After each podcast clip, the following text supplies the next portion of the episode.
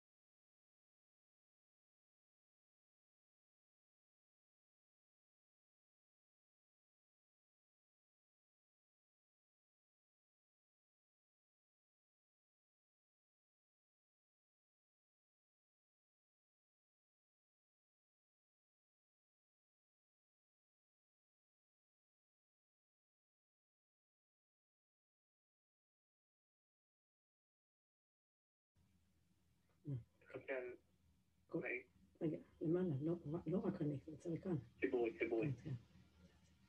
זה בציבורי עכשיו? איך אני יודעת שזה בציבורי? אוקיי, אוקיי, אוקיי. למה לא מקים המחשב? לא מגיב.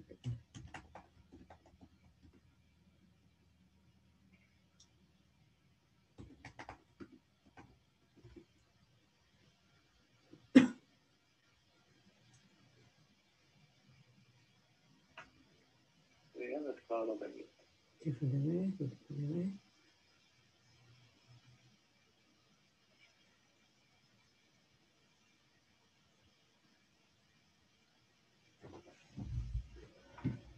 אוקיי. בוקר טוב, אה, אני מקווה שאתם בסדר. אני יודעת שהימים הללו הם לא קלים לאף אחד מאיתנו, אה, כל אחד מסיבותיו הוא, אז חשבתי לעצור רגע את הסדרה אה, של בעצם הצגת המגמות, שהיא חשובה ומשמעותית, אבל חשבתי שאולי נעשה משהו שככה יוסיף שמחה לחיינו. אה, ולכן החלטתי לדבר על טכנולוגיה שאותי באופן אישי מאוד מאוד מרגשת, שהמונח המקצועי שאני מרגישה איתו הכי נוח הוא Extended Reality, מציאות מורחבת. אה, חבר'ה, לפני זה אני ממש ממש מתנצלת, אני כל השבוע משופעת, אז אני נשמעת ככה. אולי לא במיטבי, אבל אני אביא גם את הרמקול אולי יותר קרוב. אה, ו... אה, אז אני מתנצלת, אבל החלטתי לא לבטל, כי זה גם נושא כיפי, וגם שנתחיל את הסוף שבוע אה, יותר במצב רוח טוב, לא יזיק לאף אחד מאיתנו. אז אני צוללת יחד איתכם לתוך מה שנקרא המציאות המורחבת, כדי שיהיה לנו ככה תחושה של התרחבות, גם של מה שמסביבנו, אבל גם מה שבתוכנו. אה, אז, אה, אז זה בגדול, אה, ככה לתת לכם רגע אחד השראה, איזשהו סרט שלוקח אותנו כדי להראות לנו את ה-variety, את העושר, את, ה, את המגוון, את, ה, את האינסופיות האפשרית של מה שאנחנו יכולים, ולא סתם אני מדגישה כאן את העין, ותכף אנחנו נדבר על הנושא של מה שנקרא הראייה ואיך היא משרתת אותנו. אז זה רק לרגע אחד ככה לתת לנו בבקשה, מה יותר נעים מאשר להחזיק ידיים עם מי שאנחנו אוהבים? תודו שאין כזה דבר יותר נעים מזה. אוקיי. אז אה, כן, גם אתם תוכלו לעשות את זה בלי לעשות את זה. תארו לעצמכם. בלי שאתם תוכלו להתעסק עם זה, אתם תוכלו לעשות את הדברים אפילו הכי, הכי אה, דמיוניים והכי מסוכנים. אה, זהו. אז אנחנו נכנסים כרגע לתוך ההרצאה. אז אני רוצה להזכיר לנו שבעצם זה המוח שלנו. כשאימא שלכם אומרת לכם, כשהייתם קטנים, היא הייתה אמרה לכם שאתם גאונים, אני סומכת, תאמינו לאימא, היא יודעת על מה אני מדברת. זה באמת באמת כלי אה, יוצא מגדר הרגיל, אה, הוא מאוד מאוד חזק. אה, בו בזמן, הוא בעצם, הייתי אומרת, בהרבה מובנים הוא אפילו המהות של מה זה להיות אנושי, המוח האנושי. בהרבה מאוד מובנים, כתבו על זה מספיק פילוסופים, ציירים ציירו את זה, ספרים נכתבו על זה וכן הלאה, אז אני בטח לא צריכה להרחיב, אנחנו יודעים את זה, אבל בו בזמן, עם כל זה שהכלי הזה הוא כל כך מופלא, יש לו מגבלות. המגבלה הראשונה שלו זה ה-short term memory, מה שאנחנו קוראים הזיכרון שעובד לטווח קצר, שהוא מאוד מאוד מוגבל, אנחנו תכף נדבר על המשמעויות, אבל זה בפירוש בעיה קשה, היא דרך אגב אופיינית לכולם, לא רק למבוגרים, אז לא להתרגש, החבר'ה מעל גיל 30 כאן איתי. יש לנו biases, זאת אומרת, אנחנו, יש לנו נטייה לכל מיני אה, אה, הטיות שקשורות לתרבות שבה חיינו, לאישיות שלנו, לסביבה שבה גדלנו וכן הלאה. יש לנו ירידה בתפקוד אה, מסיבות כאלה ואחרות, יש כאלה שטוענים בגלל גיל, יש, אנחנו יודעים שיש לנו סיטואציות אחרות, אנחנו יודעים שנשים אחרי לידה לפעמים מתלוננות שהן מאבדות את היכולת שלהן לזכור דברים, אה, אה, אחרי חוויות קשות כמובן, פוסט-טראומה וכן הלאה וכן הלאה. אה, והוא מאוד מאוד פגיע, מה לעשות? אנחנו כולנו פגיעים, כן? אנחנו בסך הכל עשויים מבשר ודם, ועצם העובדה שאנחנו הולכים ברחוב תמיד עלול לקרות משהו. וחבר'ה, הוא לא, לא, הרבה זמן לא, לא עשו לו upgrade. תחשבו אם היה לכם סלולרי שלא עשו לו upgrade 22 אלף שנה, אני לא יודעת אם הייתם כל כך רוצים אותו, הוא נפלא למוזיאון, אבל אני לא בטוחה שלכם. ליאור, שומעים אותי טוב דרך אגב? ליאור? טוב, הוא הלך כנראה? כן, אה, יופי, נהדר, תודה. אז בעצם, מה שחשוב לדעת, תודה, תודה, איזה כיף. ליאור איתי, תקשיבו, הוא מציל אותי בימים האלה, כי כל יום יש הרצאה ואני ממש מתקשה לדבר לפעמים, הוא ממש מציל אותי, שתדעו.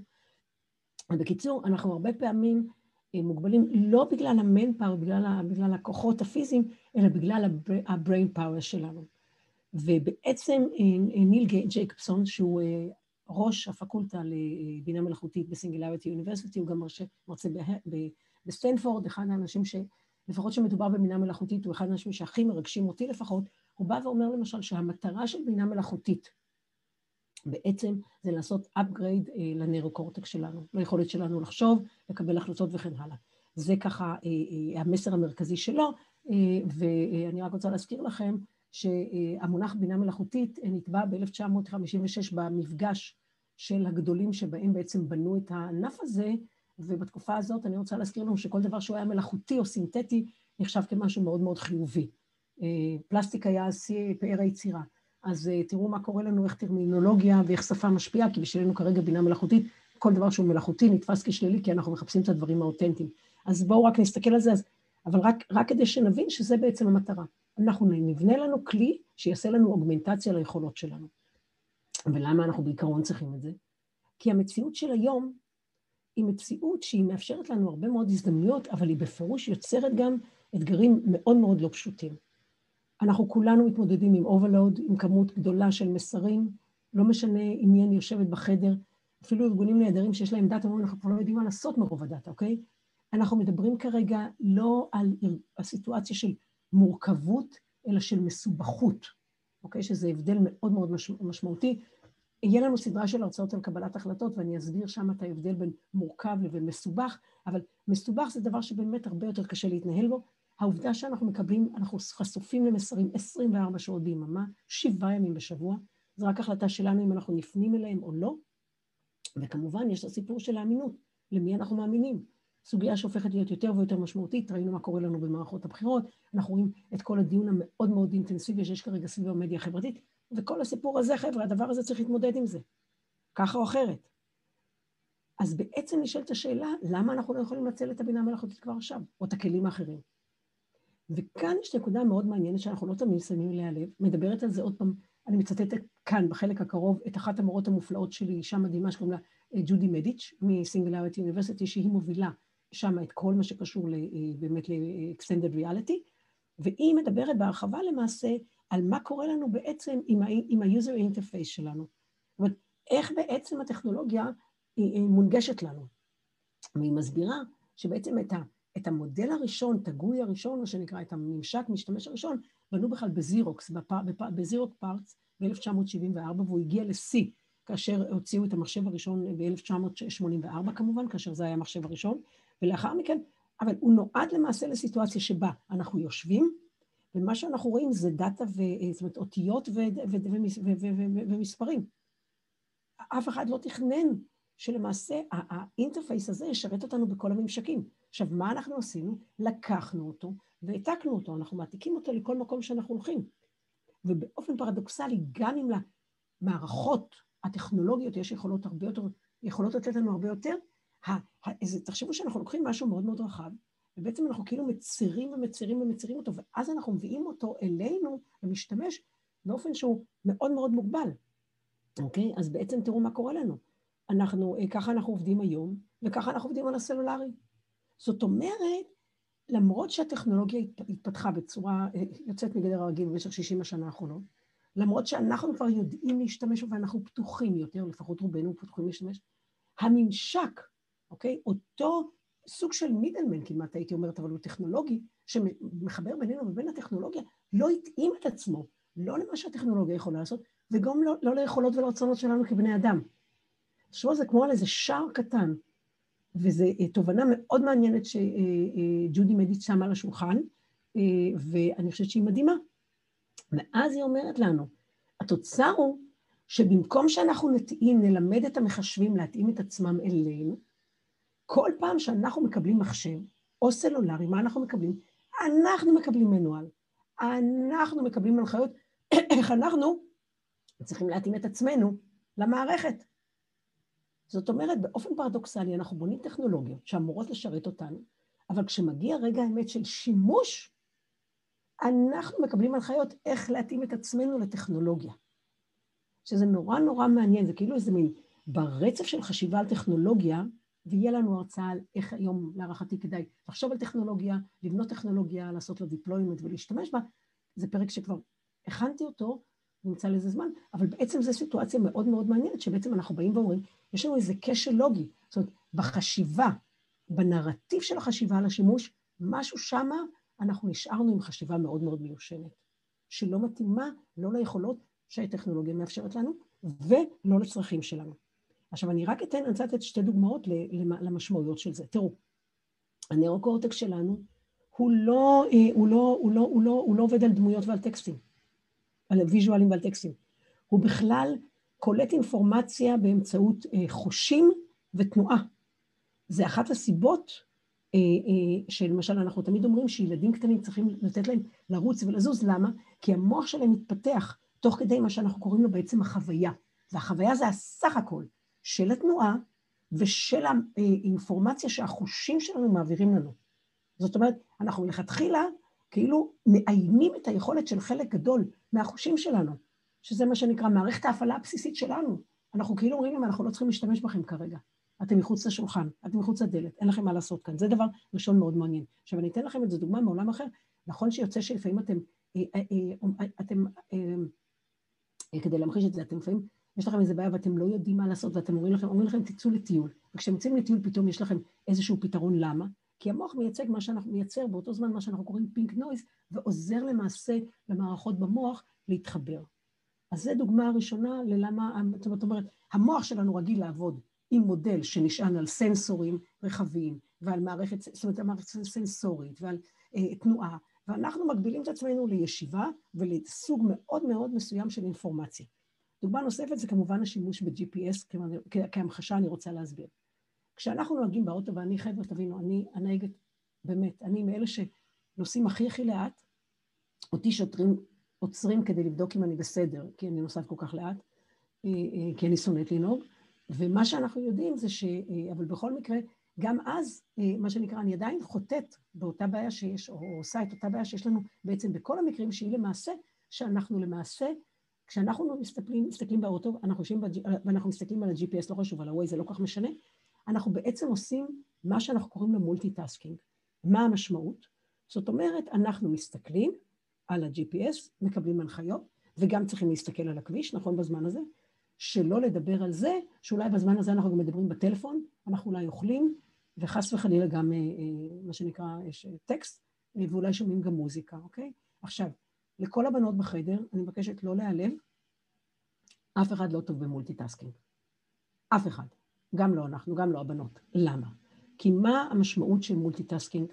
המשמעות של multitasking היא למעשה שבה אנחנו למעשה אה, אה, אה, אומרים למוח כל הזמן, אתה צריך לעבור ממטלה למטלה. כשאני עושה את זה, אני לא מומחית חס וחלילה למדעי המוח, אז אני רוצה להסביר את זה בצורה מאוד מאוד פשוטה. הזיכרון לטווח קצר שלנו הוא עם קיבולת מאוד מאוד מוגבלת. והמוח נותן הנחיות מאוד ברורות, כאשר ההנחיות קשורות לקונטקסט שבו המוח מבין שהוא פועל. זאת אומרת, אם אני למשל יושבת כאן כרגע, ואני צמאה, ואני הולכת למטבח לקחת כוס מים, כשאני מגיעה למטבח, ואני בטוחה שזה קורה לעוד חלקנו, אה, אני לא זוכרת למה הגעתי למטבח. אני שואלת את עצמי, למה אני במטבח? מה אני עושה כאן בכלל? מה רציתי? אני הולכת שני צעדים אחורה, אני נזכרת ואני חוזרת. מה המשמעות? זאת אומרת, בעצם המוח, אני שיניתי לו את הקונטקסט, במקרה הזה הפיזי, אוקיי? ואז הוא לא זוכר כבר מה הוא צריך לעשות. אותו דבר, מה שאנחנו עושים עם המחשבים שלנו, וה-GPS הוא דוגמה פנטסטית, אנחנו בעצם כל הזמן משנים אה, אה, למוח את הקונטקסט. ולכן מה שקורה, כל פעם שאנחנו משנים את הקונטקסט, בעצם אנחנו יוצאים בעצם אה, אה רמת אה, יכולת תפקוד יותר נמוכה, אנחנו מקטינים, ולמעשה כשאנחנו עושים שתי משימות, אנחנו מקטינים את זה, את היכולת שלנו לתפקד בצורה נאותה ב-50 אחוזים. אז אם מישהו חושב שהוא מסוגל לעשות שלוש משימות, כל הכבוד לו. אני הבנתי כבר שלא, הבנתי את המגבלות שלי. וככה אנחנו נראים, דרך אגב. אוקיי? ככה אנחנו נראים כשאנחנו, מה שנקרא, עושים multitasking, ושמות לתשומת ליבנו. עכשיו, אז זה מה שדיברנו על ה-limited working memory, ומה שאנחנו כרגע עושים, זה שבעולם החדש שלנו, שיש לנו את הוואטסאפים, ויש לנו את הטוויטרים, ויש לנו את הפייסבוק, ויש לנו את האימיילים, ויש לנו את ה-you name it, אנחנו בעצם חלקנו כל הזמן מתפתים להסתכל. עכשיו, כל פעם שאנחנו מסתכלים על משהו אחר בזמן שאנחנו צריכים להתרכז, לכתוב מאמר, לענות לשאלות, לענות לאימייל, נורא נורא חשוב, לתכנן משהו, עצם ההפסקה, אנחנו צריכים לדעת, החזרה למקום שממנו היינו עולה לנו, עולה לנו, ממש עולה לנו, בין שלוש שניות לשלושים דקות, תלוי מה שנקרא, לכמה זמן אנחנו זה. ובעצם בממוצע, אלה המחקרים, אנחנו בודקים את הסלולריים שלנו 2,600 פעם ביום. כן, כולנו בממוצע. חלקנו יותר, אז אה, כל אחד יודע. אז אל תתחילו עכשיו לבדוק את עצמכם, אבל קחו בחשבון שהממוצע גם ככה הוא מה שנקרא די מטריד, אז גם אם אתם פחות מממוצע בעשרה אחוזים, אופס, אנחנו עדיין לא מצב טוב. וזה בעצם אומר שאם המוח שלנו נועד למעשה להיות אה, אה, אה, אה, כלי מופלא לחשיבה מעמיקה, ארוכת טווח וכן הלאה, האינטרפייס שלנו בעצם הורג את היכולת של המוח לתפקד באופן מיטבי. אנחנו, יש לנו כלי נפלא, המוח, ולמעשה אנחנו לא משתמשים בו בצורה יעילה בגלל הממשק שעומד לרשותנו. שזה אחת הבעיות שאנחנו רואים היום עם הילדים, כשאנחנו מדברים על זה שלילדים אין סבלנות, כן? שהם לא יכולים לראות דברים יותר מאשר שלוש דקות, שאני דרך אגב לא מאמינה בזה, אבל לא משנה. זה תוצר מזה שאם אנחנו לא בנינו להם את מה שנקרא דיאטת מסכים מדויקת ונכונה, אה, אה, אני אגיד את זה רק מילה אחת, שמאוד מאוד כדאי לא לתת לילדים להסתכל כל היום במסכים, ואיפה צריך להגביל את זה מאוד, אה, בדיוק כמו שאנחנו נותנים לבני ה-16 לשתות משקאות אלכוהולים, בטח בשלבי התפתחות המוח, זה ממש ממש קריטי. כי המבנה, כי ה GUI, ה interface עצמו, הוא לא בעצם מאפשר מינוף של היכולות של המוח מצד אחד, והוא גם לא מאפשר לנו בעצם למצות את היכולות של הטכנולוגיה, והוא גם לא מאפשר לנו להתמודד עם העולם הכל כך מוצלח שיש לנו והמעניין שיש לנו מסביב. אוקיי? אז בעצם מה שאני מנסה להגיד זה שהבעיה היא לא ה data, אלא הבעיה היא למעשה האופן שבו אנחנו מעבירים את האינפורמציה, הממשק משתמש שלנו. אוקיי. אז זה בגדול ככה מה שאני אה, רציתי להגיד, וכמו זה כבר אמרתי, אין צורך שאני אחזור על עצמי. אוקיי. עכשיו, אני רוצה לתת עוד כמה בעיות שקשורות לממשק משתמש. אה, העולם שלנו הוא עובד בשלושה dimensions, אה, אנחנו מסתכלים, הממשק הוא בשני dimensions, הדבר הבא, שמה שנקרא, אין לנו שום חוויה באופן מלא, כמו, כמו שבאמת, כמו שאנחנו בעולם המציאותי. עדיין, עדיין, עדיין, עד עכשיו, תכף אני אסביר מה קורה כרגע, אבל עד עכשיו עדיין הפעילות המחשובית הייתה, לפחות של המכשירים שלנו, אני לא מדברת על המכשירי המחשבי אה, סופר, סופר קומפיוטרס, ואני לא מדברת כמובן על קוונטום וכן הלאה, מחשבי קוונטום, אבל לנו, מה שיש לנו בבית, זה עדיין היה יותר איטי מאשר הפעילות של המוח. כמו שאתם זוכ... אתם שמים לב שאנחנו מקלידים, נכון? ואנחנו רואים שעדיין אנחנו מקלידים ולוקח זמן, נכון בסלולרי, כשאנחנו מקלידים איזושהי הודעה, לוקח לסלולרי כמה שניות להדביק אותנו, אנחנו צריכים לחכות לו. זה עדות לדבר הזה, אוקיי? והוא לא מאוד מאוד מפוקס, וזה לא, זה לא מה שנקרא, זה לא מדויק מספיק וזה לא עם פוקוס מספיק, הכלי הזה. אוקיי. אוקיי. אז מה בעצם, וכמובן דיברנו על ה multitasking, אני לא רוצה להרחיב. והיידיגר היה קורא לזה uh, un, unready to hand.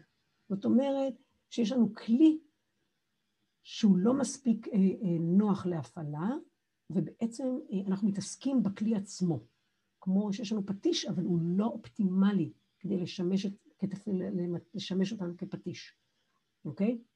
אז אנחנו מתעסקים הרבה מאוד ב, ב, ב, בדבר עצמו, בכלי עצמו, במקום למקסם את מה שהוא צריך לתת לנו. ואז אני רוצה להסביר, מזכיר לנו, מרשל מקלוין אומר לנו, אופסה, סליחה, מרשל מקלוין אומר לנו, אנחנו בונים את הכלים, אבל הם בונים אותנו. זאת אומרת, אם אנחנו בונים כלים שהם לא אופטימליים, והם אחר כך אלה שמה שנקרא אה, אה, עוזרים, הם אלה שמשפיעים על מי שאנחנו, הם, הם משפיעים עלינו, הם עושים לנו את. הם עושים לנו את הדיזיין בעצם, אם אנחנו רוצים אנחנו לא רוצים. ואז זה אומר עלינו. גם אנחנו לא ממצים את היכולות שלנו. אוקיי? יש כאן דיגרדציה במספר כיוונים. אוקיי. עכשיו, מה, מה הפתרון? נורא נורא פשוט, נכון? לוגית אפילו, הייתי אומרת, ואנחנו צריכים פתרון חדש, אנחנו צריכים New User Interface, אוקיי? אה, שכמובן אה, הוא יצליח להתמודד עם כל האתגרים המטורפים האלה כדוגמה, שהוא ייתן לנו לייצל, לנצל את כל ההזדמנויות, והוא יאפשר לנו להתמודד עם כל המגבלות, גם של המוח. כי גם המוח שלנו, אני רוצה להזכיר לנו, יש לו אה, מגבלות כאלו ואחרות, דיברנו על זה כבר, אוקיי? הבייסים, השוט memory, ה-vulnerability וכן הלאה, אוקיי? אז זה מה שאנחנו בעצם מחפשים. ובעצם מה שקרה, אה, אנחנו רצינו בשאיפה, אם אנחנו חושבים כרגע על סוללה מהשרטוטים, בואו נגיד באיזשהו משרד, אין לנו שום מגבלות, מה אנחנו אומרים? אנחנו רוצים מערכת חדשה, אנחנו רוצים ממשק משתמש חדש, שהוא ב-3 dimensions, וכמובן הוא נשען על, על התנסות אה, מלאה, אה, כמובן שמה שנקרא הוא בהתאמה עם המוח, זאת אומרת אין, אין time lag, אוקיי? אין time lag, וכמובן הוא מאפשר לנו לעשות, להיות מאוד מאוד מפוקסים, ומאוד מאוד מדויקים, וכמובן אז הוא אולי יכול לאפשר לנו לעשות multitasking. רק שתבינו איך זה נראה בהקשר אחר. אחת הבעיות למשל שחושבים על, אה, רק כמראה מקום, כמטאפורה בנושא שמתאימה, כשאנחנו מדברים למשל על חיים על המאדים, אחד הדברים שמטרידים אותנו זה מה יקרה אה, אה, אם יש שם איזושהי בעיה, אם יהיו בני אנוש שצריכים עזרה, והמין שלנו שצריך עזרה. משום שיש טיימלג בין הזמן, משמעותי בין הזמן שהם ישלחו איזשהו איתות של בעיה, עד שאנחנו נקבל אותו לא נוכל לעזור להם, אז אנחנו, אה, אה, למשל, זה אחת הסכנות הגדולות, כי בעצם אנחנו, יהיה detachment שלנו, משלהם, ואנחנו לא נוכל להיות איתם בקשר. disconnection, לא detachment. אוקיי, ובעצם, מה אנחנו בעצם מדברים? אנחנו חוזרים כאן לעיקרון מעולם העיצובי, שבא ואומר שכמו שהכיסא שאני יושבת עליו, שהוא לצערי לא מצטיין, אבל נעזוב את זה, בעצם אנחנו רוצים משהו שהוא נשען על תפיסה ארגונומטרית, שבאה ואומרת, אני מתאים את הכלי למשתמש, אוקיי? ובעצם כמו שאנחנו עושים את זה בדברים פיזיים, זה אחת הדוגמאות למשל למערכת ש, שנבנתה, שבנו אותה בעצם בכלל ב... בנאס"א, ועכשיו היא משמשת ארגונים עסקיים, שבעצם אתה שם לך כרגע איזושהי, אה, יש לך אה, כפפה, ולמעשה אתה פתאום מסוגל אה, להרים פי חמש ממה שאתה היית מסוגל להקרים עד עכשיו. למעשה אנחנו היינו רוצים שיהיה לנו בדיוק אותו דבר לגבי המוח שלנו. נכון? כי זה מה שאנחנו רוצים, דיברנו. המציאות משתנה, יש הרבה מאוד אתגרים, יש הרבה מאוד הזדמנויות, אנחנו רוצים לעשות, אה, אוקיי, אנחנו רוצים לעשות אגומנטציה של המוח שלנו, ונשאלת השאלה, איזה טכנולוגיה יכולה לאפשר את זה? האם אנחנו יכולים לבנות משהו שיהיה מינימל חדש, שיאפשר לנו למצות את היכולות של הטכנולוגיה ולשפר את היכולות שלנו? ואני מאמינה, אה, אחרי המורה שלי, ג'ודית מדיץ' המופלאה, שבעצם אנחנו הולכים אה, להגיע לשם, באמצעות ה-extended reality, ואני רוצה להראות לרגע אחד איך נראתה ההיסטוריה שלנו עם המסכים, אוקיי? אז זאת ההיסטוריה שלנו עם המסכים, שימו לב, כן? אנחנו התחלנו עם המסכים כבר ב-1891 כמובן, עם הסרטים הראשונים, אה, אה, למי שלא זוכר, הנה ההיסטוריה שלנו, ואנחנו כרגע השנה, לא יודעת אם יוצא לכם כבר לראות, אנחנו רואים את מה שגוגל מדברת עליו, אנחנו רואים שפייסבוק מדברת על זה, אנחנו רואים אפל מדברת על זה, אנחנו רואים אה, חברות אחרות שמתעסקות בזה, שבעצם מדברות על מעבר של המסכים, למעשה ממשהו שהוא חיצוני לנו לחלוטין, למשהו שהוא דבר ראשון על העיניים שלנו. זאת אומרת, הטרנד הראשון, זאת אומרת, המגמה הראשונה, ה wave הראשון שאנחנו נראה, זה בעצם מעבר מזה שהמסכים הם מולנו, לזה שאנחנו מלבישים את המסכים עלינו. אוקיי? תכף אנחנו נראה מה קורה בשלב הבא. עכשיו, למה זה כל כך משמעותי, המעבר מלהסתכל על ללשים עליי, להסתכל דרך או אל ללשים עליי. זה המוח שלנו, אוקיי? דרך אגב. וסליחה, רציתי להגיד למה זה קורה כרגע. זה קורה משום שכרגע, למה זה, איך, איך אנחנו מגיעים לזה כרגע. אז דבר ראשון, המוח שלנו, סליחה, שכחתי משהו באמצע, המוח שלנו יכול לעשות מה שנקרא X. teraflop זה מיליארד חיסובים בשנייה, תחשבו, המוח שלנו עושה פי כמה וכמה. הבוקר ניסיתי עוד פעם למצוא data מדויקת, פשוט יש כאלה שמדברים על טריליון אה, חישובים בשנייה. כל מיני סברות, אני עוד לא עד הסוף סגורה, לכן אני מאוד מאוד נזהרת, אבל בכל מקרה מדובר במשהו שהוא הרבה מעבר לדמיון שלנו, ולמעשה מעולם לאורך ההיסטוריה האנושית לא היה לנו יכולת להגיע למחשב שהוא כל כך מהיר. זה למשל היה מחשב שבנינו ב-1997, הוא עלה 55 מיליון דולר, והוא היה מסוגל להגיע ל-1.3 טריליון teraflops, אה, 1.3 teraflops, אבל זה הכל.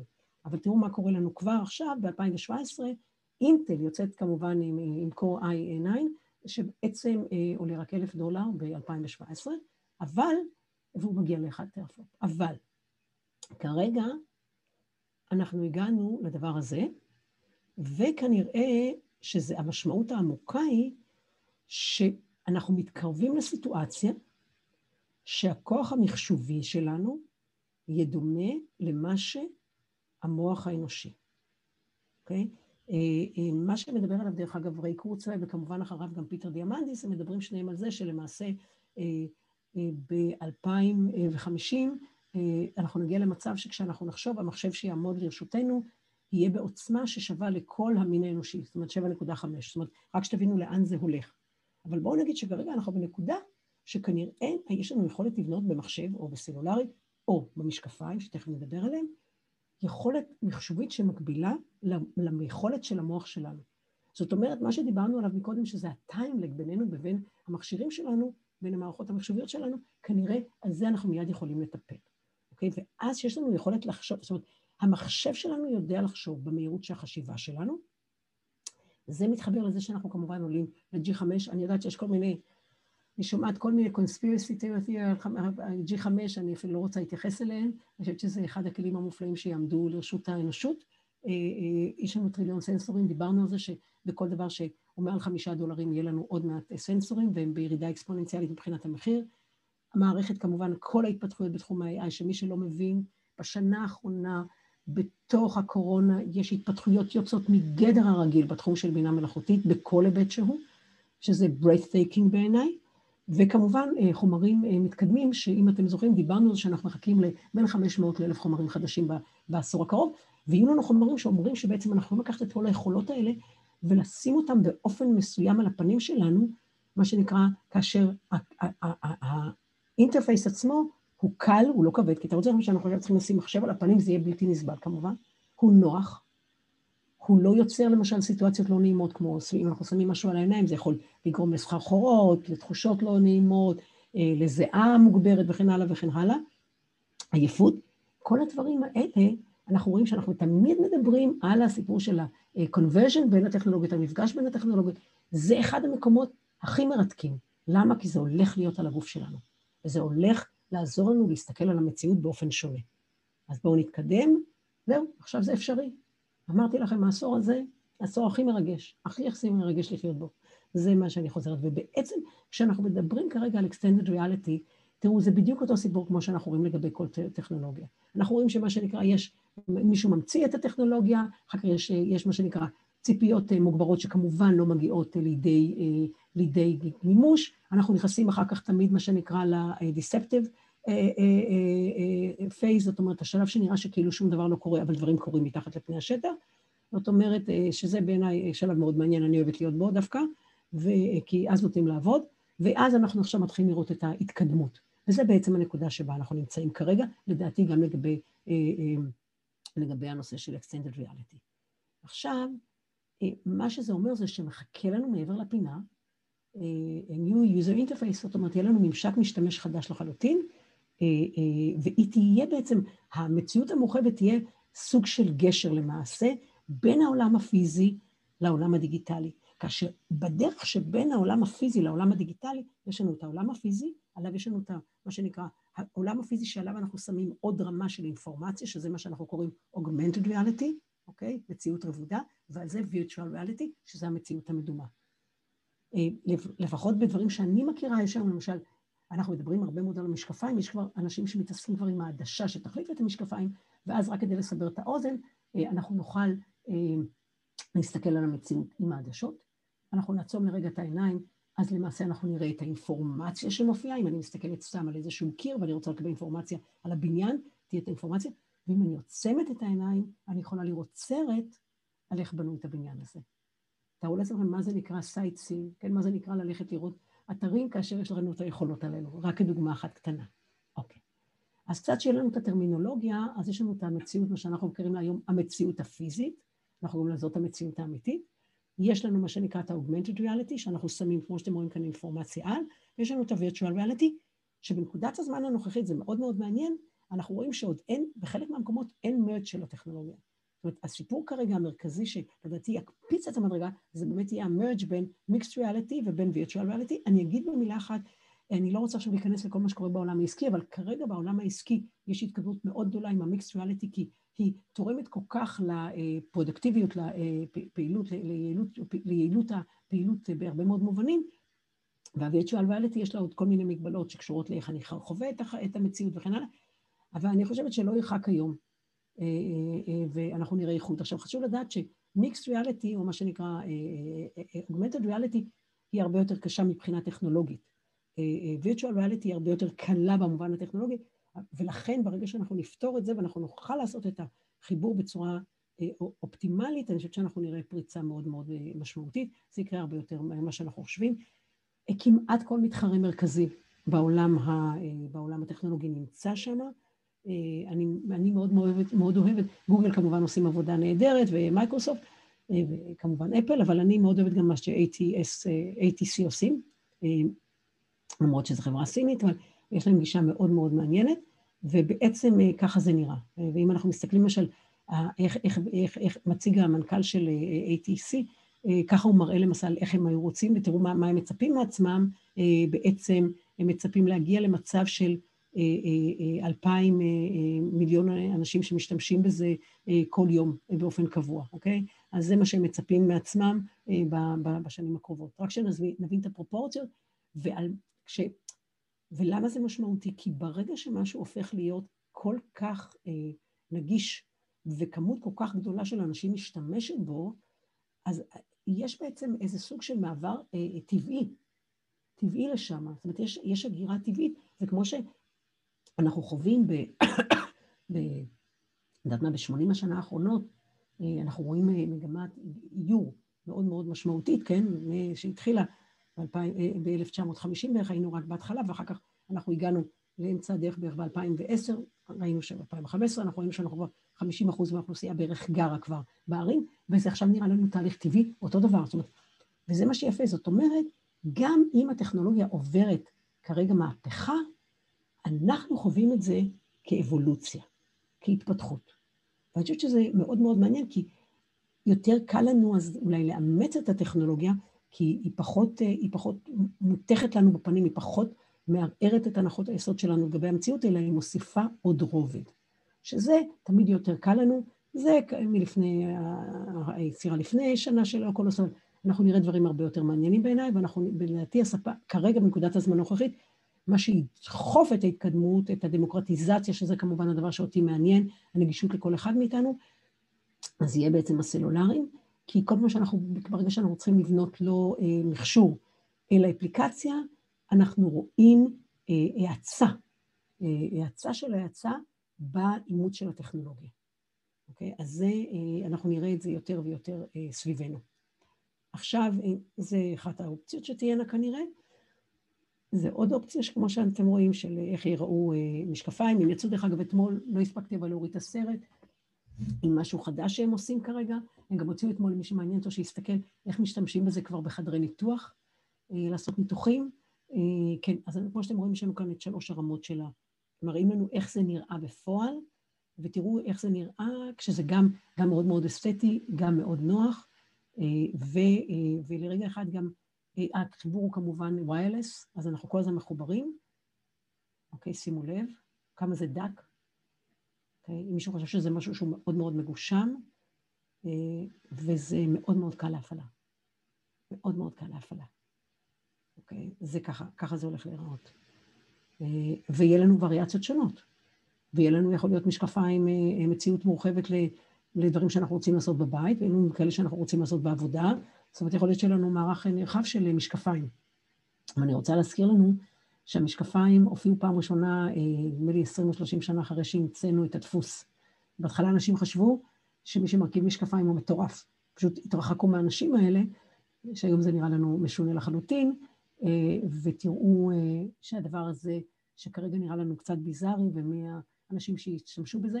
דרך אגב, זה שיפור דרמטי לעומת הגוגל גלאס, שבאמת נתנו תחושה שאתה ווירדו ואתה במקום אחר. שימו לב, ותראו כמה הטכנולוגיה מעודנת. תראו איך המחשבות שלנו לפני 40-50 שנה, שטכנולוגיה, ככל שהיא תשתכלל, תהיה יותר גדולה, כן, יהיה לנו יותר סטארט-טרק יותר גדולים, יהיה לנו חלליות יותר גדולות, מטוסים יותר גדולים, אנחנו הולכים דווקא לכיוון ההפוך של משהו הרבה יותר קטן, שבעיניי, ובכלל, כשאנחנו מדברים על טכנולוגיה, הוא מאוד מעניין, כי הוא מותאם למידות שלנו כבני אדם. התאמה של הטכנולוגיה עם, עם, עם, אה, עם ה-humbleness, זאת אומרת, עם, עם צניעות ליכולות שלנו. אז איך זה הולך להיראות? אוקיי? אני רוצה להראות לכם איך זה הולך להיראות. תארו לעצמכם שאני אה, כבאית, אופס, ואני אה, צריכה להציל חיים באיזשהו בניין, ואני מרכיבה את המשקפיים שלי, ואני נכנסת לתוך הבניין. אני מקבלת אינפורמציה שהאש, תסתכלו, האש נמצאת כאן, תכף תראו, נקודה אדומה. עכשיו, בזמן שאני רואה את זה, בזמן שאני רואה את זה, המשקפיים שלי, משום שהן מתוחכמות, אתם רואים? הן כבר מעבירות את האינפורמציה גם לחברים שלי שנמצאים מהצד השני, שייזהרו, שלא חס וחלילה ייכנסו לשם, שלא שום דבר רע יקרה, אוקיי? מה זה אומר? פתאום יש לנו יכולת להשתמש בעוצמה של הטכנולוגיה, של ראיית infrared, שמעולם לא הייתה לאף אחד מאיתנו. כשאנחנו מדברים על זה שהטכנולוגיה יכולה להרחיב את היכולות שלנו, ויכולה למעשה לשים אותנו במרכז, אוקיי? שמה אותנו במרכז ה loop של כל מה שקשור ל cognitive computing, לכל המערכות המורכבות של טכנולוגיה, אבל שכאילו אנחנו כרגע בחוץ, זה מחבר אותנו, זה מאפשר לנו מעורבות, וכשיש לנו מעורבות זה מאפשר לנו שליטה, זה מאפשר לנו התפתחות, זה מאפשר לנו לכתוב את הנרטיב לאן אנחנו הולכים עם זה, אוקיי? ואם אנחנו מסתכלים כרגע, בהיבט השני זה לא רק מה זה עושה לדיאלוג שלנו עם הטכנולוגיה וההתפתחות שלה, אלא זה גם משנה את התפקיד של הטכנולוגיה ברמה הבסיסית, כי הטכנולוגיה מפסיקה להיות משהו חיצוני והופכת להיות משהו שהוא חלק מאיתנו. עכשיו, אני יודעת שחלקנו, כשאנחנו שומעים מזה, אנחנו נבהלים, ואני רוצה להזכיר בהקשר הזה שני דברים. הדבר הראשון שאני רוצה להזכיר זה מה שקווין קייל אומר לנו, שאנחנו בסיטואציה של רגעי סינגולריטי, התאחדות עם הטכנולוגיה אינסופיים, ושאנחנו התחלנו את זה ביום שהמצאנו את השפה, כי השפה הייתה אחת ההמצאות הראשוניות שלנו. אנחנו בייתנו את עצמנו באמצעות השפה, קווין קיילי אומר. Okay, אוקיי? אז הדבר הזה שאנחנו בעצם משתמשים בטכנולוגיה כדי להעצים, אף אחד מאיתנו לא יכול לדבר עם עצמו, כמו שקווין קיילי אומר, אם אין לו שפה. אז זה הדבר הראשון. או כמו שאומר את זה, דיבר בזמנו באחד המעונות סטיב ג'ובס, והוא הבין כבר אז. הוא הבין כבר אז שבעצם מה שאנחנו רוצים, שהסלולרי יהיה חלק מאיתנו. אנחנו לא רוצים להיות חלק מהמכונה, אנחנו רוצים שהמכונה תתאחד איתנו. זו תפיסה שלא יעזור, היא הומניסטית בהגדרה, היא Human Centric בהגדרה, ובעצם יש לנו יכולת פתאום לשים את כל הדברים האלה כדי לשרת אותנו, כדי שהטכנולוגיה תשרת אותנו. ובעצם אז הכלים, אוקיי, דיברנו מקודם על מרשל מקלוהן ומה זה הכלים, אז בעצם אנחנו כרגע בונים כלים שיהיו extension של עצמנו, ולא כלים שמגבילים את אותנו, כמו שהיה ה GUI שיש לנו אותו מ-1974 וכן הלאה. אוקיי. ואז היידגר קורא לזה ready to hand. זאת אומרת, אז יש לנו כלים שבאמת אנחנו לא צריכים לחשוב על הכלי עצמו. יש אה, אה, משל זן מאוד מעניין, אני לא זוכרת את השם המלא, על איזשהו צייר בשם צ'ומן וכן הלאה, שהוא מצייר שרטוטים, אבל השורה התחתונה היא נפלאה, הוא משרטט שרטוטים, וכמובן מה קורה לו עם היד, היא כואבת או לא כואבת, עם המחוגה, אם היא מתאימה לו, אבל במשפט האחרון הוא, שהוא בעיניי מאוד רלוונטי לה, כמטאפורה למה שאנחנו הולכים לקראתו, הוא אומר, כשהנעל מתאימה, הרגל נשכחת. זה מופלא. אנחנו יודעים, אנחנו קונים נעליים לא יפות, לא, שלא נוחות, זה לא משנה כמה הן יפות. כמה אומרים לנו שהן נהדרות, אנחנו סובלים. אותו דבר כאן. כשהן נוחות, מצוין, יכול להיות שיפות גם מצוין, אבל קודם שתהיינה נוחות. כשהנעל מתאימה, הרגל נשכחת. אנחנו לקראת העולם הזה, שימו לב. אוקיי, אז אנחנו מגיעים למצב שיהיה לנו יכולות שעד היום לא היו לנו, ואני רוצה עכשיו להסביר לשנייה אחת, ועוד פעם, אני לא מומחית למוח של אף אחד, לא יחשוב שאני מתיימרת למשהו, לא שאני מתיימרת בכלל למשהו, אבל שימו לב, החלק הזה, אם היינו שמים עכשיו, היינו עכשיו נפגשים פנים אל פנים, אה, הלוואי, אולי, בקרוב, והייתי מבקש מכם לשים את היד שלכם כאן על החלק הזה של הראש שלי, סליחה, אני מקווה שאתם רואים שאני עוד לא במיטבי. בכל מקרה, החלק הזה אחראי על הראייה שלנו. אתם רואים, זה חלק מאוד מאוד משמעותי מהמוח שלנו. מסתבר שחלק ניכר מכל האינפורמציה שאנחנו כוללים, זאת אומרת, כל האינפורמציה החושית, זאת אומרת, הריח, אה, הצבע, הצליל, כל המערכת בעצם עוברת דרך זה. זאת אומרת, החלק של הראייה עושה למעשה האקינג לשאר החושים שלנו. עכשיו, מה שזה אומר, תסלחו לי רק לשנייה, אוי,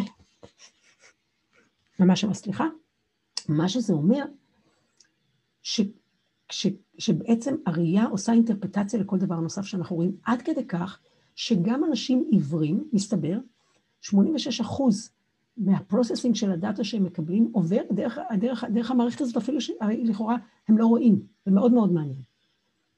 עכשיו, זה קריטי להבנה. זאת אומרת שכשאנחנו עושים hacking לחוש הראייה, אנחנו עושים hacking לכמעט, לחלק, בוא נגיד, לחלק ניכר מאוד מאוד משמעותי בעצם, של המערכת החושית שלנו הכוללת, אוקיי? ובעצם זה אומר שאם אנחנו מחברים את זה לרגע אחד לראייה טכנולוגית ולדיזיין, זאת אומרת שיש לנו בעצם כלי אחד שמאפשר לנו לחבר את כל החושים שלנו אליו. אליו. כלי אחד לכל החושים. Okay. אוקיי. עכשיו תסתכלו מה, אני בכוונה הבאתי את הסרט הזה, אני מקווה שלא, שאתם לא מחזיקים עכשיו את הקפה, שלא יהיה לכם בחילה או משהו. שימו לב, אני מראה לכם את זה כרגע, וממש ממש קשה להסתכל על הסרט הזה, נכון? נכון? מה קורה לנו? כי ממש אנחנו מרגישים שאנחנו עליו, אוקיי? זה הסיפור של חוש הראייה.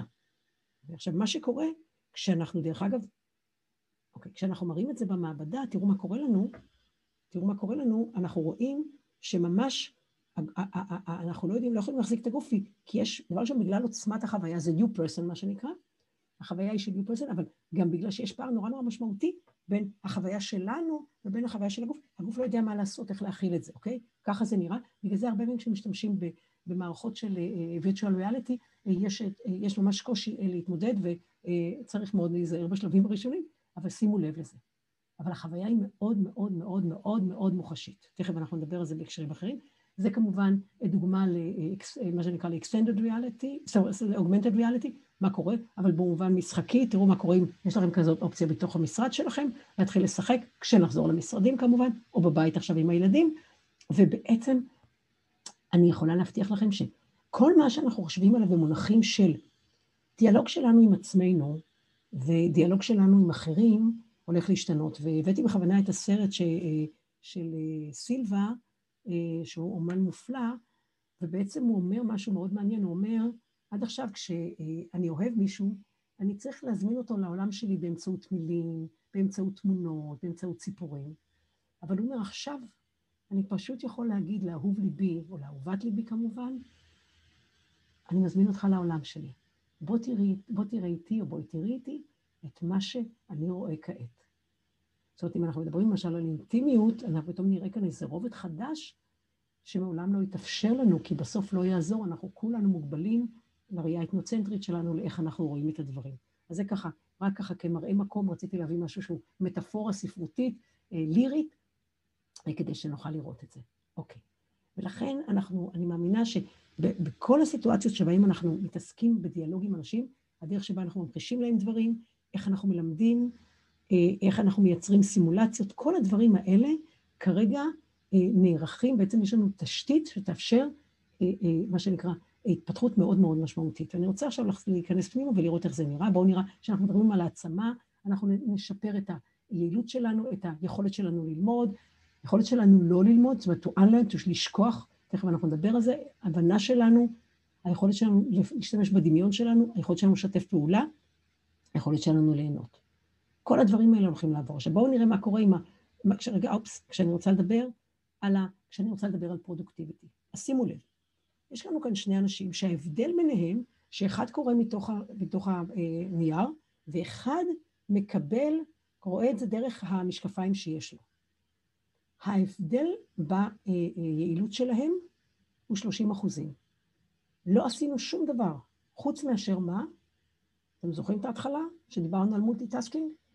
כל מה שעשינו זה לוותר על ה multitasking. תראו, 34 אחוזים. זה לא משהו מתוחכם, פשוט שמנו לו את האינפורמציה על העיניים. עכשיו, אני רק אומרת כמראה מקום, תארו לנו מה קורה לנו כאשר זה מה שקורה לרופאים שלנו, שכרגע בשבע דקות שיש להם, הרופאים המופלאים שלנו צריכים גם למלא כל מיני טפסים על המחשב, ויהיה להם משקפיים כאלה, הם יכלו לדבר אליהם,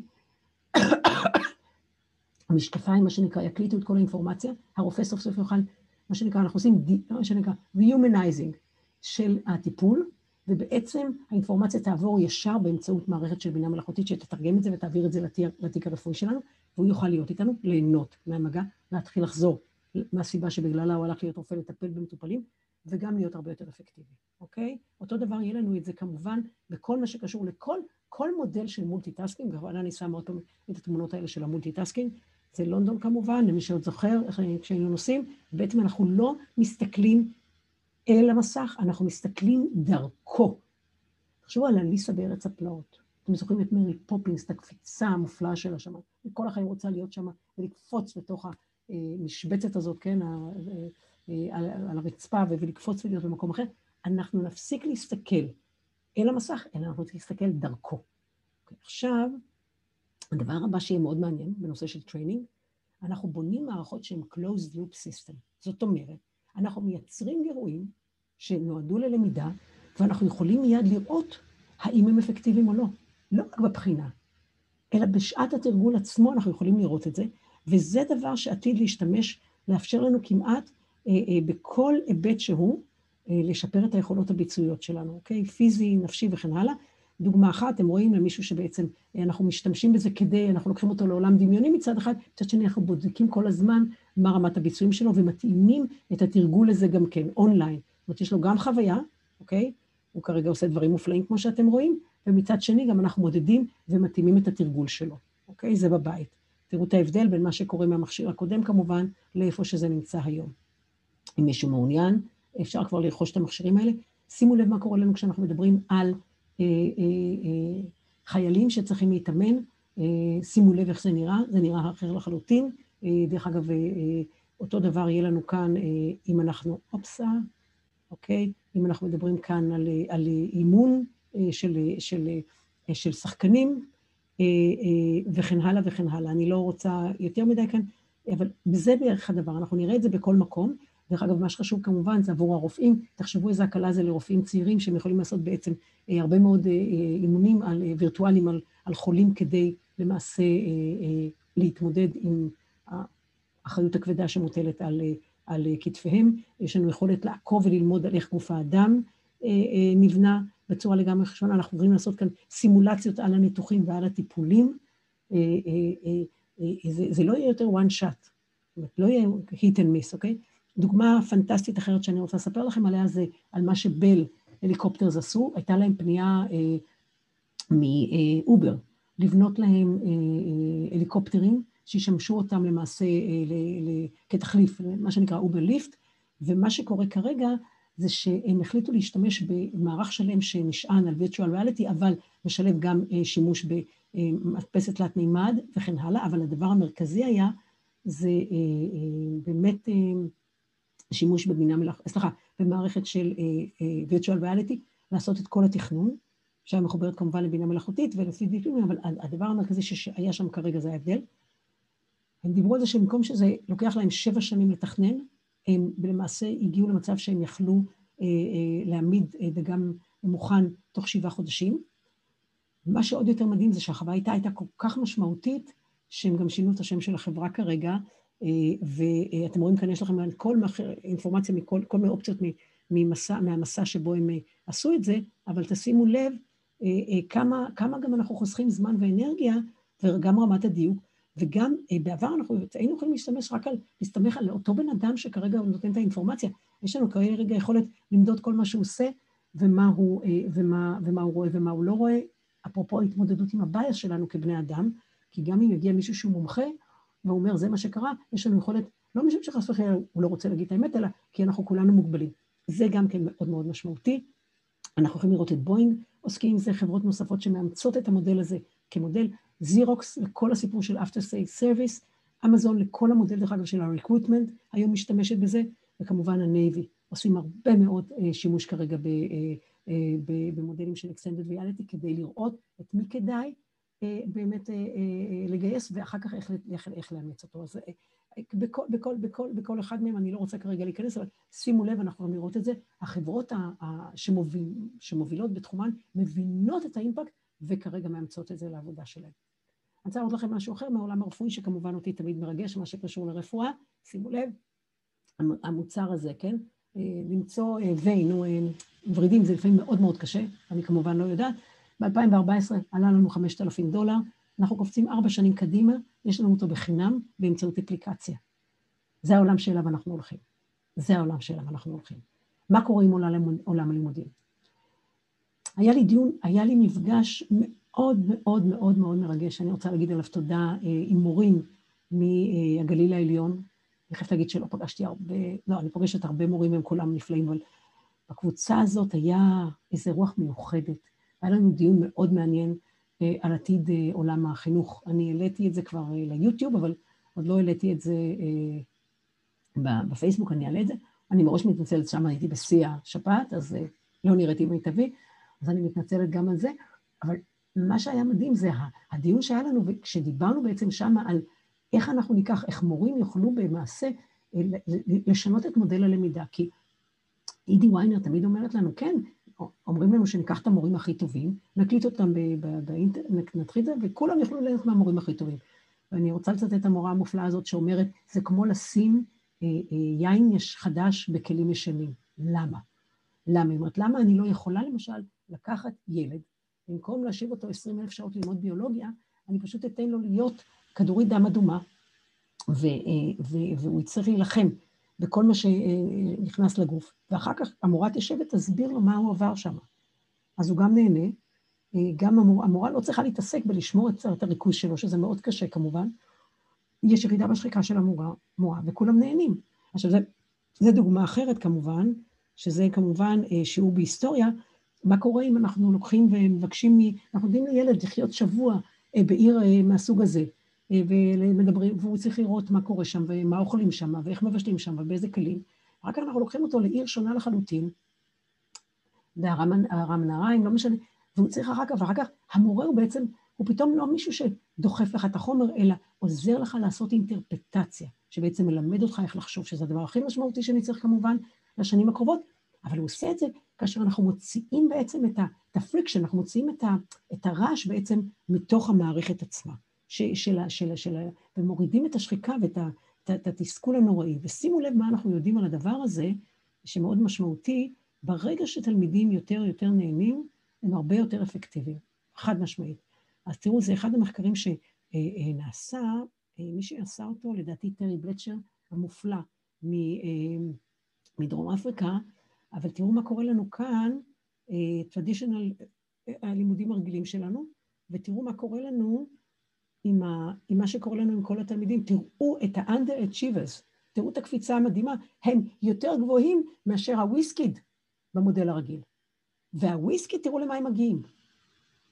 עכשיו, אני רוצה להזכיר לנו, רק שנייה, אני פותחת סוגריים, כי זה חשוב למי שכאן מעולם ההוראה. אנחנו יודעים שהלמידה האפקטיבית ביותר כאשר אני מלמד מישהו. עכשיו, תארו לכם שאני הייתי התלמידה שמה שנקרא הייתה בעיר הזאת והייתה בעיר הזאת, ועכשיו אני לוקחת תלמיד אחר ואני מלמדת אותו, אני כבר אז זה מעבר לסקאלה, כי ללמד מישהו זה כמובן הדבר הכי אפקטיבי. אז שימו לב מה קורה לנו כאן. אנחנו יכולים לקחת, וכל הזמן מדברים על פערים בחינוך. כל הזמן אומרים לנו, בדרום הארץ, אה, אוכלוסיות כאלה, אוכלוסיות אחרות. אנחנו באמצעות הכלי הזה יכולים לשנות את הפרדיגמה. אנחנו יכולים לסדר מחדש, אוקיי? אנחנו יכולים, מה שנקרא, ליישר את פני, את, את, את, את, את, את פני הגרף הזה. וזה לא כל כך משנה יותר איפה אתה גר, כי יש לך את הטכנולוגיה שמאפשרת לך ללמוד בצורה האפקטיבית ביותר, וגם אם דברים מסוימים קשים לך. מופלא, מופלא, מופלא, מופלא. אוקיי, בגלל זה אני כל כך מתרגשת. אוקיי. הדבר הבא זה unlearn.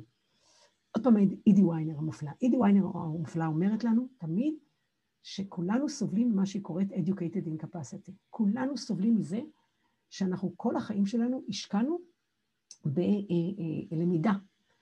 וכשאנחנו נכנסים לחדר, אנחנו בטוחים שהנכס הכי גדול שאנחנו מביאים זה הידע שלו, שלנו. והיא אומרת, אנחנו הולכים איתם כמו עם, כמו עם תיקי לואי ויטון, כן? ואנחנו מתהדרים בידע שלנו, ובעולם שבו משתנה כל כך מהר, הידע שלנו הופך, הקיים, הנוכחי, הופך להיות מהנכס שלנו לנטל שלנו. ואז נשאלת השאלה, איך אנחנו יכולים to unlearn?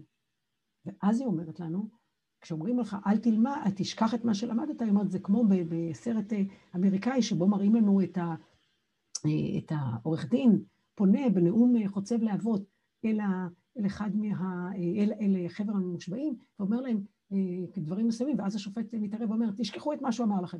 המושבעים ישכחו? לא, גם אנחנו לא נשכח. אבל אלה כלים שיאפשרו לנו, בגלל שאנחנו, משום שאני רוצה להזכיר לנו, המוח שלנו לומד באמצעות חוויה, שזה, זאת אומרת, תנועה פלוס מידע סנסורי, זה כלי אפקטיבי גם לנו המבוגרים, שצריכים to unlearn ו-relearn, זה כלי מאוד מאוד אפקטיבי. אוקיי. אוקיי, אז אני רוצה לרגע אחד לקחת לעולם אחר לגמרי, שזה הנושא בעצם של מגורים, סליחה, של עבודה, שימו לב. אז אה, אה, מה קורה כאשר אנחנו עוברים למציאות מדומה, כשאנחנו מדברים על עולם העבודה? פתאום, אופס, אם אני יכול לעבוד מכל מקום, ממש ממש סליחה, סליחה, אז כמובן שמה שנקרא, הפול שלי של הטאלנט הוא גדול פי עשר, ומצד שני העלויות שלי הן נמוכות הרבה פחות. אז מי שלא חשב שתגיע הקורונה, אה, אז אה, הנה, זה מה שקורה, שימו לב, זה אני מאמינה שאנחנו נראה את זה יותר ויותר. זאת אומרת, אני, כמו שבעולם הרפואה אנחנו כרגע רואים אה, אה, צמיחה מטורפת, אנחנו רואים פתאום חברות אה, עושות דברים יוצאים מגדר הרגיל, אתם יודעים, הנושא של הווקסינציה, הרי אנחנו קפצנו במאה שנה לפחות ביכולות שלנו כרגע, ב- ב- ב- ב- בתקופה הזאת, אז אה, זה הדבר שאנחנו כנראה נתחיל לעבוד איתו, אוקיי? אנחנו עדיין עם הזום, אני מעריכה שאנחנו נעבור יותר ויותר לדברים האלה בקרוב. אה, במיוחד בדברים שאנחנו צריכים לעבוד בצוות, כי אחת הבעיות המרכזיות בזום כרגע, זה העובדה שקשה לנו לעבוד עם צוותים. זה הדברים שבפירוש יכולים לעזור לנו, אה, במערכות של צוותים שצריכים לעבוד ביחד. אה, זה דברים שאנחנו נחיה איתם, וגם יהיה לנו כיף, כי זה, יש כאן מימד של משחקיות, ואני רוצה להזכיר לנו, דיברנו על זה בהזדמנויות אחרות, שמשחקיות מאוד מאוד חשובה, ועדיין אנחנו בבית. כי אולי יש קורונה, זה עוד דוגמה, אבל חבל על הזמן, ואני רוצה לספר לכם לרגע אחד בהקשר הזה על חברה שהתחילה ככה לעבוד, אתם יודעים מתי? ב-2008. הבעלים של החברה, אני מתנצלת, שכחתי את השם שלו, למעשה אה, אה, הוא איזה אדם שמתעסק במה שנקרא במכירה של נדל"ן בקנדה, והוא פשט את הרגל כמעט. הוא אמר, אני, אין לי יכולת להחזיק את המשרדים. והוא חזר לשאלה המקורית, שתמיד כלי פנטסטי, ושאל את עצמו, מה המטרה שלי? המטרה שלי זה למכור לאנשים שטחים, מקומות דיור, כדי שהם יוכלו ליהנות בהם. ואז מה קורה לנו? מה הוא עושה האיש החכם הזה? הוא אומר, אני עובר מיד למערכת וירטואלית. הוא מ-2008 עובד ככה, הוא עשה, אה, מה שנקרא, הוא יצא לבורסה לפני שנה אה, עם מיליארד דולרים, הוא נחשב היום למוביל בקנדה והוא אחד מהמובילים בארצות הברית, הוא מעסיק אנשים, דרך אגב, שלא חיים בכלל בארצות הברית. חלק גדול מהאנשים שעובדים אצלו, הנשים שעובדות אצלו, הן נשואות למעשה לאנשי צבא. אז נמצאות בפיליפינים וכל מיני מקומות, הן מוכרות בתים, בתים בטקסס וכן הלאה. עכשיו, שתבינו שכל המודל הזה בכלל תפס צאותה אה, בתקופת הקורונה, רוב יש לנו מכירות פשוט יוצאות מגדר הרגיל בארצות הברית באמצעות פלטפורמות דיגיטליות, והוא היה מהראשונים. אבל מה שמדהים שהוא עושה כאן, שגם העובדים שלו חיים, יש לו קמפוס, יש לו קמפוס וירטואלי. אני לא אראה כרגע את הכל, ממליצה, ממליצה להסתכל על זה. דוגמה אחרת, אנחנו עוברים לגור בתוך ערים, ובעצם היחידות דיור שלנו הופכות להיות יותר ויותר קטנות. שימו לב מה קורה, באמצעות virtual reality, אני רואה את הדברים לגמרי שונה. אה, יש לי סוס בבית, מי אמר שאני יכולה לגדל סוס? שימו לב. אה, ואני גרה לי בכלל ביער, זה אה, הרבה יותר, אני הרבה יותר נהנה. היכולת שלנו להשפיע על התפיסה, קריס מילק רצה לגייס כסף עבור אחד הסרטים שלו, עבור מחנה פליטים, זה זכה כמובן בפרסים, אתם רואים, כבר ב-2015, ומה שהוא עשה, במקום להקרין סרט באופן רגיל, באירוע הוא ביקש מאנשים לשים משקפי virtual reality, ולמעשה הוא קיבל, הוא, הוא, הוא הצליח לגייס פי 100 ממה שהוא חזה. כי זה כלי כל כך חזק ליצירת אמפתיה, כי אתה רואה לא, אתה לא רואה מרחוק איך הילדים שם חיים, ומה קורה כשיש פצצה לידם, אלא איך הם, אתה חווה את זה. אוקיי. אני רוצה לדבר על נושא של איך זה עוזר לנו עם המבוגרים. תראו, מי שההורים שלו גרים בבית אבות, אנחנו יודעים, כולנו, או, לא בבית אבות, תמיד יש לנו את הרגשי אשם שאנחנו לא מספיק באים לבקר אותם. ש... וכי אין מה לעשות, אלה החיים, אנחנו תמיד עם רגשי אשם, כי הם היו תמיד שם בשבילנו, וככה זה אנחנו מדור לדור. ואז מה שקורה, אנחנו, עצוב לנו לראות אותם ככה עם התמונה, יושבים מול הטלוויזיה חסרי אונים, ההורים המופלאים שלנו, שעשו הכל בשבילנו. עכשיו תסתכלו מה קורה, ה baseline הוא 2.14. אם מסתכלים בטלוויזיה 2.7, אם משחקים בקלפים זה 3, אם משחקים עם pet זה 3.2, אם הילדים באים זה 3.75, אם הם, אנחנו בונים להם חוויות מתאימות ב-Virtual Reality, זה 3.71. תראו, לעומת ה baseline של 2.4. אז חבר'ה, זה לא חס וחלילה שאנחנו לא צריכים לבקר את ההורים שלנו, שלא ישתמע, אבל אנחנו יכולים לוודא שהחוויה הפנימית שלהם ושביעות הרצון שלהם וההנאה שלהם מהחיים, שכל כך חשוב לנו, שיהיו להם שנים אחרונות טובות, נכון? אנחנו יכולים לעשות את זה. אנחנו, אם אנחנו עושים את זה, דרך אגב, אני תמיד ממליצה שמתייעצים איתי אה, אה, שירי הילדות שלהם, התמונות מהילדות שלהם, תמונות של המשפחה, דברים שמאוד מאוד מחזקים את שמחת החיים ותחושת ה-well-being והשייכות שלהם, אני תמיד ממליצה לעשות את הדברים האלה. עולם שלם, עולם שלם שיאפשר לנו לעזור למבוגרים שלנו לחיות הרבה יותר טוב בשלבים האחרונים. ועכשיו אני נכנסת לתחום שהכי מעניין אותי כמובן, עולם הבריאות, ואני רוצה רגע לדבר על זה. תראו, מי שסובל מכוויות, ויש לנו לצערי חיילים ובכל העולם, או תאונות דרכים, מי שסובל מכוויות ברמה של למעלה מ-80 אחוזים, אה, חייב להיות ער בזמן שעושים לו את הטיפולים, וזה כאבי תופת בלתי נסבלים. בלתי נסבלים. דן אריאלי בזמנו כתב על זה לא מעט. ואם אנחנו נותנים מורפיום, גם בכמות מאוד גדולה, אנחנו מצליחים להוריד את עוצמת הכאב ברמה, בהיקף של 20 אחוזים לערך. וכשהתחלנו להתעסק בסוגיה הזאת, קבוצה של אה, אה, אה, אנשים מאוניברסיטת וושינגטון, מה, מה, מה, מהמעבדות שמה, תהתה, האם אנחנו יכולים לקחת, אתם זוכרים כאן, אז את ה hacking שאנחנו עושים לחושים באמצעות ה hacking שאנחנו עושים לראייה, האם אנחנו יכולים לייצר מערכת חליפית של חוויה למוח, ומכאן לפרט. ומסתבר שאם אנחנו שמים לחולי, לפצועים שלנו, אוקיי, שסובלים מרמה כל כך גבוהה של גוויות, אנחנו נותנים להם משקפיים שבהם הם רואים את הדמויות האלה, מישהו זורק אה, אה, אה, אה, כדורי שלג בדמויות, עם איזו מוזיקה מאוד מאוד, אה, אה, מה שנקרא מוזיקה מאוד של פעם, שכחתי של מי, מי, מי הזמר, מה שקורה זה מתחילה, מתחילה מלחמה. הגוף צועק חם לי חם לי, המוח צועק קר לי קר לי. מי לדעתנו מנצח? אנחנו מצליחים להוריד בלי שום טיפול, שום, שום מולקולות, זאת אומרת, בלי מורפיום וכן הלאה, את עוצמת החוויה של הכאב ב-60 אחוזים. אנחנו מוסיפים את המורפיום, אנחנו מגיעים ל-80 אחוזים. כל מי שאי פעם ישב ליד מישהו שסבל מכוויה, שלא לדבר בכל הגוף, זה אה, אה, דבר מופלא. כשאנחנו אומרים שהטכנולוגיה הזאת תאפשר לנו להיות סופר פאוור, זה הסיפור. עכשיו תראו, זה היה הדבר הראשון שאיתו עבדו ב-1900, אה, זה היה הדברים הראשונים, זה, זה היה ב-1976, ותראו, זה היה מאוד מורכב, מאוד מסובך, היה קשה להחזיק את זה על העיניים, ולכן לא שמענו על זה עד היום. היום, כאשר יש לנו את המשקפיים המאוד מאוד פשוטות, אנחנו יכולים להשתמש בזה. שימו לב. מדהים. זאת אומרת, היה לנו את הטכנולוגיה, אבל היא לא הייתה מספיק טובה כמו שאנחנו רואים. עכשיו, זה, אה, שכחתי איך קוראים ממני שקוראים לו האנס בלהה, אבל אל תתפסו אותי במילה, הוא בחור צעיר שלמעשה אה, יש לו עין שמאל עצלה. הוא מגיע בגיל 23 לרופא ואומר לרופא, תקשיב, אני רוצה שתעשה לי ניתוח בעין. והרופא אומר לו, אין טעם, משום שבלאו הכי המוח שלך, הוא מאבד את הפלסטיסיטי שלו, יכולת הגמישות שלו, וההתאמה שלו בגיל 8 או 12, לא משנה את מי אנחנו שואלים. ומה הוא עושה? משום שהוא עקשן, הוא לא מוכן לקבל לא לתשובה, כתשובה, ומה שהוא עושה, הוא מפתח משחק מחשב, שבו כל עין מקבלת אינפורמציה אחרת.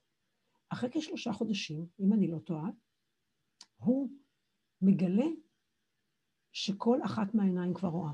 זאת אומרת, בניגוד לזה שעוד אמרו לו, לא רק שאתה לא יכול לטפל בעין, גם תהיה הידרדרות, הוא מרפא את העין. אחרי עוד שלושה חודשים, הוא מוריד את המשקפיים, והעיניים רואות מצוין. ומה שהוא מתחיל לעסוק בו, זה בעצם לעזור לאנשים הרבה יותר מבוגרים ממנו עם בעיות ראייה. משהו, מה המשמעות של זה בעצם? זה שבעצם הוא עושה rewiring למוח. ואנחנו כבר יודעים היום, ש... ומדבר על זה הרבה מאוד דיוויד איגלמן, שאני ממליצה להאזין לו כי הוא מופלא, שהסיפור של פלסטיסיטי של המוח נעצר מתישהו הוא לא נכון, ואני יכולה להבטיח לכם, בהתאם למה שהוא מלמד, עוד היה לו שיחה מדהימה עם ברנה בראון, אז הוא אומר לה, את יכולה להיות רגועה. מהרגע שהתחלנו את השיחה, עד הרגע שגמרנו את השיחה, המוח שלך כבר השתנה. המוח כל הזמן עובד ומשתנה, ולכן הוא גם מדבר על זה uh, living organ, הוא לא קורא לזה יותר פלסטיסיטי, סתם אני מכניסה כהערת uh, אגב, אבל זה אומר שאנחנו יכולים לעשות רוויירינג למוח שלנו. עכשיו תראו מה קורה לנו השלב הבא. את מי זה מעניין? זה מעניין קבוצה של מומחים בוושינגטון, בבית חולים, שמטפלת בפרויקט שנקרא Walk. והיא שואלת את עצמה, אם הוא הצליח לעשות את זה לעיניים, האם אפשר לעשות את זה לחלקים אחרים שלנו בגוף? אוקיי. ומה הם עושים? אתם רואים, זה החלק בגוף שלנו שאחראי, אם אני מסמנת נכון, כן? על הראייה. אה, סליחה, על, על ההליכה, על כל, ה, כל, המות, כל הגפיים שלנו, אוקיי? סליחה. אוקיי, שימו לב, מה הם עושים? הם בונים מודל, רגע, אני אסביר קודם את המודל. שנייה, רגע, אני אסביר ואז תראה אותו. הם בונים מודל שלמעשה הם לוקחים שלושה פאזות של ניסוי. פעם ראשונה אומרים, אנחנו נשתמש בווירטואל ריאליטי כדי לקחת אנשים שהם אה, נכים, מהמותניים ומטה כבר תקופות ארוכות, אנחנו נלמד אותם באמצעות החשיבה, המוח, להפעיל רגליים חיצוניות להם. בשלב הבא, אנחנו נלביש עליהם כסקלטון, זאת אומרת, רגליים ביון, ואנחנו שמים אותם עלינו עם סקלטון, כן עלינו, סוג של כזה רובוט כזה שהוא מולבש עלינו, ובואו נראה מה קורה. אז השלב הראשון, אתם רואים, זה בעצם רואים אותם, נותנים, מה שנקרא, נותנים הנחיות ל, לרגליים חיצוניות להם, ללכת. השלב הבא, אתם רואים עם הסקלטון, הם הולכים כבר, עם ה, הם הולכים כבר עם ה... הם, שימו לב, הם כבר הולכים, מצליחים ללכת, תסתכלו, זה אנשים ששש שנים, הוא לא הלך שש שנים, זה כבר מ-2014, שימו לב, אנחנו רואים שהגוף מתחיל לרפא את עצמו. אוקיי? זה הפרופסור שמנהל את הפרויקט הזה. תראו מה קורה לנו, אחרי תשעה חודשים של training, אחרי 14 שנה שהיא לא הלכה. היא מקבלת פתאום את התנועה החופשית ברגל שלה. זה מישהו שאחרי 12 שנה לא הלך, אוקיי? תראו, אחרי 13 שנה של תרגול, אוקיי? זה עוד מישהי שאחרי 14 שנה, אחרי 13 שנה, מנדמה לי 12 המטופלים שהיו בניסוי הזה, נדמה לי שעשרה כבר הם היום לא מוגדרים כנכים. כשאנחנו אומרים שהטכנולוגיה הזאת תהפוך אותנו לסופר פאוור ותאפשר לנו ליהנות מכל היכולות של הטכנולוגיות המופלאות, הילדים שלנו, אז בבקשה. נושא אחר זה כמובן אה, ה-VR for blindness של iris vision, אם מישהו במשפחה אצלכם חס וחלילה סובל מכזאת בעיה, אני ממליצה להסתכל על זה, מה קורה כשיש לנו, ממש, אני לא רוצה להיכנס כאן להיבט הרפואי, אבל מה קורה כשיש לנו ירידה, מירידה. מסתבר שהחלק הכי רגיש אה, אה, בגוף שלנו לטעמים זה מתחת ללשון. ובעצם אנחנו בנו כאן, בנו מערכת שלמעשה העיוורים תואמים, תואמים למעשה את המראה, תארו לעצמכם, וזה מתורגם למוח. אז שימו לב, רואים, זאת אומרת, יש לנו את המצלמה, המצלמה מצלמת, ובעצם זה מתורגם לי לתוך המוח, ואני רואה, זאת אומרת, יש לי עקיפה למעשה של העיניים. אני רואה לא באמצעות העיניים שלי. עכשיו שימו לב, זה דוגמה אה, אדם שמעולם לא ראה את הבת שלו, שימו לב, ופעם ראשונה הוא מצליח לראות את הבת שלו אה, אה, ולשחק איתה. אז אה, אני כמובן מחכה כבר שיהיו עיניים ביוניות, אבל עד אז תארו לעצמכם מה זה עושה לכזה בן אדם שמעולם לא ראה את הילדה שלו. איך, איזו חוויה זאת. אוקיי? Okay? אז ראינו כבר את זה גם, אוקיי. אה, ג'יימס פלאה קראו לו. אוקיי, אני רוצה להתקדם. יש לנו קיטים לכאב, שמאוד עוזרים לנו, במיוחד עם מה שנקרא עם כאבים כרוניים, גם כן עוזרים לנו. אה, זה עוזר לנו גם כן לכל מיני תהליכים של ריאביליזיישן. אנשים שלא רוצים למשל, לא רוצים, לא רוצים לעשות ספורט, אבל אנחנו יודעים שהם אוהבים למשל להשקות את הגינה, אנחנו בונים להם מערכת שלמעשה, הם הולכים ומשקים את הגינה שלהם. אוקיי, אוקיי. עכשיו, מה שאני רוצה כרגע להראות הוא די קשה, אוקיי? אז בעצם זה מאפשר לנו מערך מאוד נרחב של אה, אה, אה, שימושים רפואיים ופארה-רפואיים, אבל אני רוצה רגע לקחת, לקחת אתכם, אנחנו לא נעשה כרגע את ההרצאה הזאת, כי אין לנו זמן לזה ואני כבר גולשת, אבל רק למילה אחת כדי לדבר על מה זה נקרא virtual pharma. ואני מראה כאן את הסרט של אחד המובילים בתחום הזה, ובואו תראו את החוויה שהוא עובר.